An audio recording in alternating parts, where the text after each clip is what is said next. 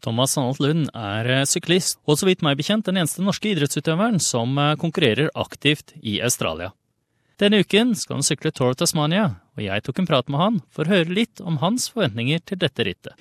Ja, hei Thomas. Du skal nå sykle Tour of Tasmania, og det er et ritt på fem etapper. Eh, gleder du deg?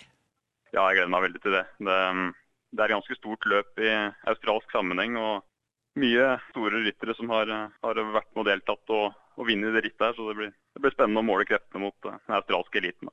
Ja, Du nevner store ryttere. Er det noen uh, store ryttere eller lag som skal uh, være med i år? Det er noen tidligere proffer og noen som har signert for profflag i framtida i det beste laget som deltar. Så dette Avanti så er det bl.a. noen som skal sykle på worldtour-nivå, altså øverste nivå i, i sykkel neste sesong. Og en del gamle travere der også. Kan du forklare noen termer for oss? Jeg vet Den første etappen kalles prolog. Betyr det at den ikke er en del av selve rittet? Det er, det er en del av rittet, men eh, det er på en måte litt en oppvarming da, som gjerne skal være litt publikumsvennlig og i en kort løype for å kjøre hele i gang. Eh, hvis man f.eks. får tekniske problemer eh, på en prolog, så er ikke det avgjørende for resten av rittet, men, men det kan skille noen små sekunder. da. Og så er det egentlig siste etappen da, som kalles kriterium. Er det en spesiell type også, eller?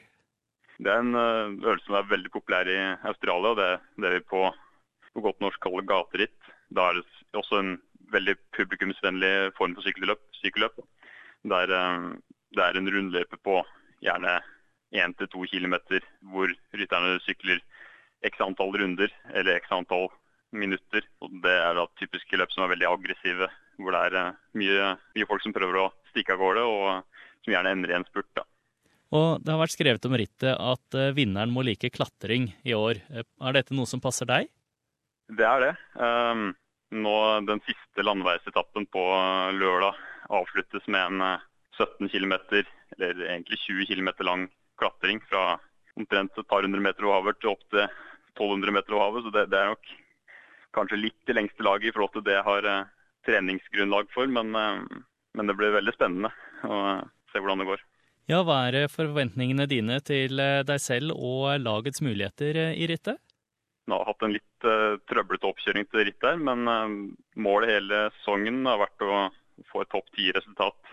Gjerne etappe, uh, eller sammenlagt, selv om det er ganske stort mål i, i, i denne sammenheng. Men topp ti er nok definitivt målet som vi går for på en av, en av, etappene.